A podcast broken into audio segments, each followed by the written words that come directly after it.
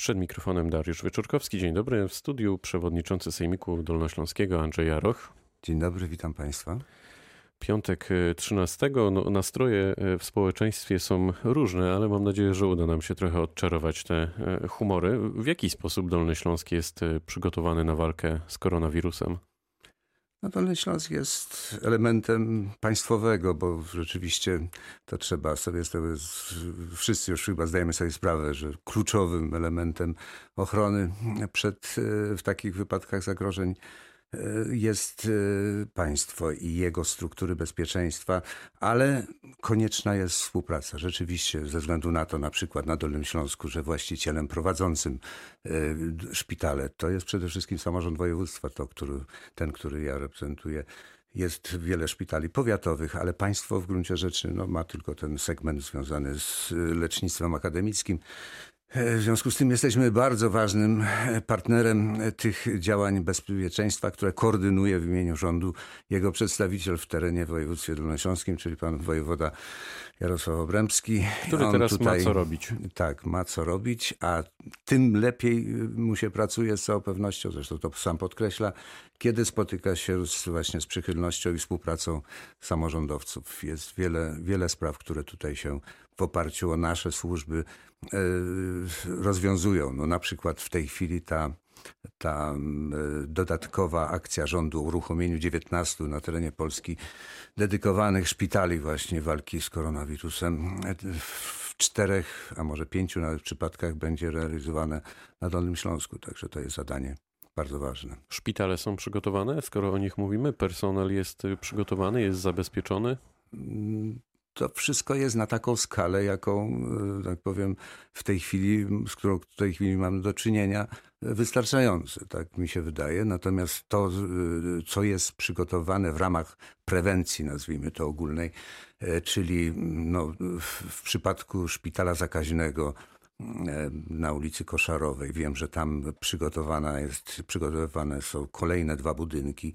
Jeżeli się uruchomi około 300-400 łóżek właśnie takich zakaźnych na terenie Dolnego Śląska, to nawet w prawdopodobnym szczycie lecznictwa właśnie tej, tej dolegliwości powinno wystarczyć. No, jeżeli będzie inaczej, to trzeba będzie uruchomić kolejne. Tutaj rząd akurat nie wcześniej zaczął i ta prewencja była przede wszystkim obecna w pierwszych działaniach rządu i każdy następny krok jest też z wyprzedzeniem. No nie jesteśmy w sytuacji takiej, żeby nas działania, tak powiem, poprzedzała już jakaś choroba.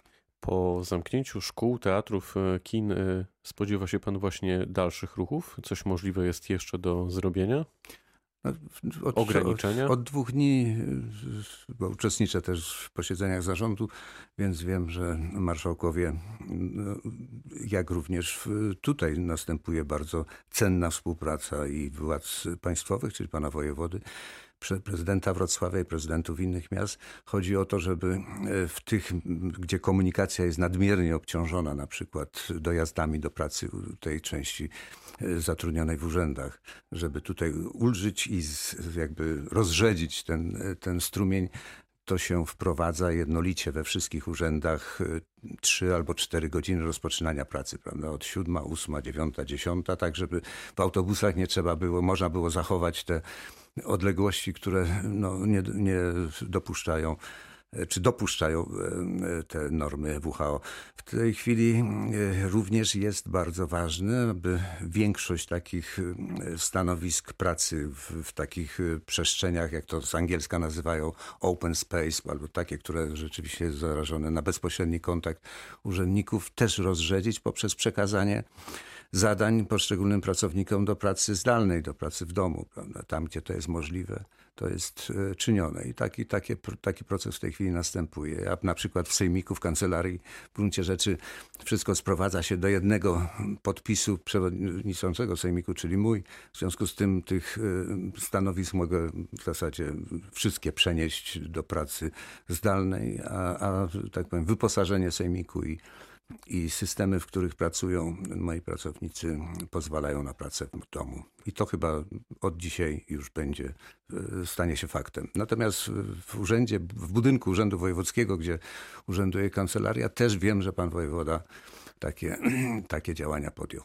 Grozi nam e, scenariusz włoski, którym ostatnio lubią w ostatnich godzinach e, szczególnie straszyć media?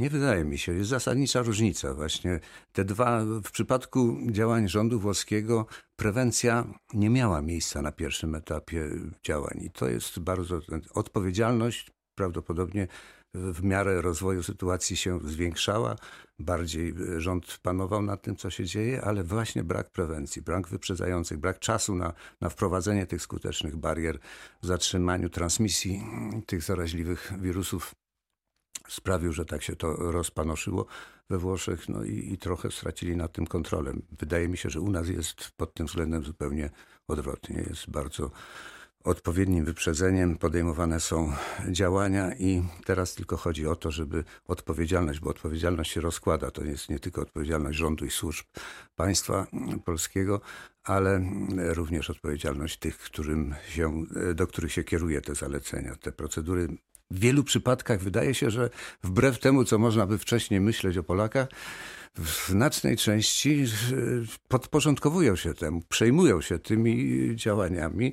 A gdzie pan to zauważa na przykład? Szczególnie cieszy mnie, no wszystkie przypadki w gruncie rzeczy, jak żeśmy początkowo, prawda, te, które teraz no, osiągnęły już tam liczbę 50 takich pozytywnych yy, diagnoz. 58 dokładnie. 58 już dzisiaj, tak. Jeden śmiertelny niestety, no tak się stało, ale tego się też można było spodziewać.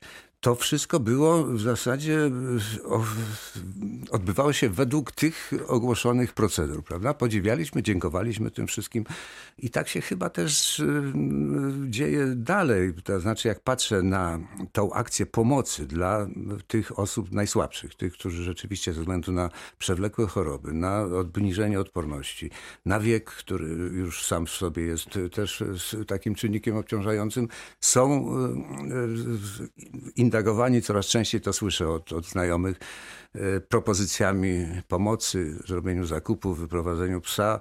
E, są w ogóle w wielomieszkaniowych klatkach ogólne ogłoszenia o tym, żeby się zgłaszać. Czyli jest duch w narodzie. Jest, jest i to taki bardzo pozytywny. Jest pan... to, oby to się utrzymało również po po tym e, no, takim traumatycznym stanie. Jest Pan e, w stanie zrobić bilans e, strat, z którymi przyjdzie nam się zmierzyć po tym, gdy koronawirus się wyciszy?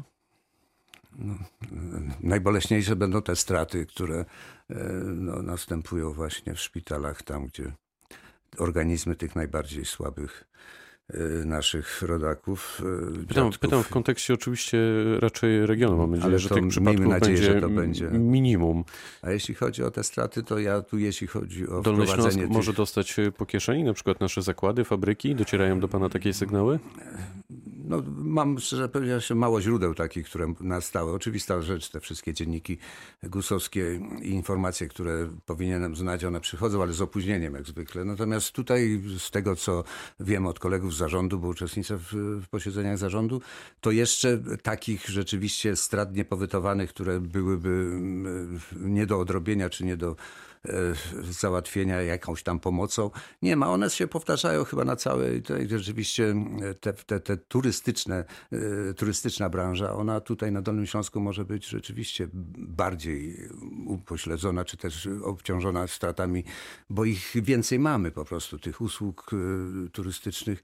Ale moim zdaniem tu akurat nie dla krajowej turystyki, dla krajowych operatorów turystycznych przyjdzie okres odbicia, kiedy skończy się ta, bo rzeczywiście będzie jeszcze lęk przed wyjazdem gdzieś tam w rejony Włoch, Alp, mórz południowych, a podniesie się chyba tutaj atrakcyjność naszej oferty krajowej. Mam nadzieję, że Dolnego Śląska, przy czym ja muszę też poinformować, że nasze takie stanowcze i długotrwałe działania sprawiły, że w tym roku, w 2019, Dolny Śląsk, jego ofertę turystyczną przyjęło ponad 18 milionów zewnętrznych turystów. To jest bardzo duży postęp i bardzo się z tego cieszę.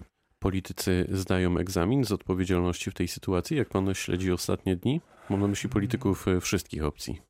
Tak, jak popatrzę na takie określone e, statystyczne oszacowania tego, co się dzieje, bo są oczywiście wyjątki, które są napiętnowane i takich jesteśmy świadkami również w przestrzeni publicznej. Państwo też się tym medialnie zajmujecie, ale generalnie rzecz biorąc, ja obserwuję bardzo pozytywną. To już żeśmy na początku naszej rozmowy zauważyli i tego temu trzeba przyklasnąć, temu trzeba e, patronować tak, żeby zostało to na długo po, po takich, e, tak powiem, stanach klęski.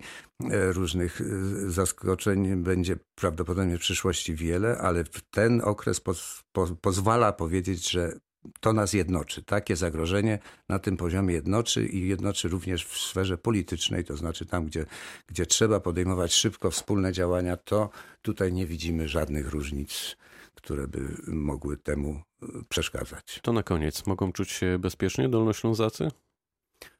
Tak jak i Polacy, Dolnoślązacy powinni się czuć bezpiecznie, bo akurat nie, e, tutaj e, wprawdzie no, jest spora liczba tych, e, porównując do innych obszarów kraju, ale generalnie też mamy znacznie szerszą bazę e, szpitalną e, niż inne województwa i powinniśmy sobie dobrze z tym poradzić. A tutaj rzeczywiście trzeba w tym naszej rozmowie też podkreślić to, że to jest pewien sprawdzian dla tej teorii o tym, że państwa narodowe są już niepotrzebne. Proszę sobie teraz się przyjrzeć, jakbyśmy wyglądali jako prowincja jakiejś tam federalnej struktury, która miałaby dbać o te interesy. Absolutnie zostało to pozytywnie zweryfikowane i we wszystkich państwach mamy z tym do czynienia. A takie memento płynie na przykład wczoraj obserwowałem, nie wiem czy pan redaktor to widział, jak pani y, kanclerz Merkel składała E, składała no, życzenia szybkiego postępu w leczeniu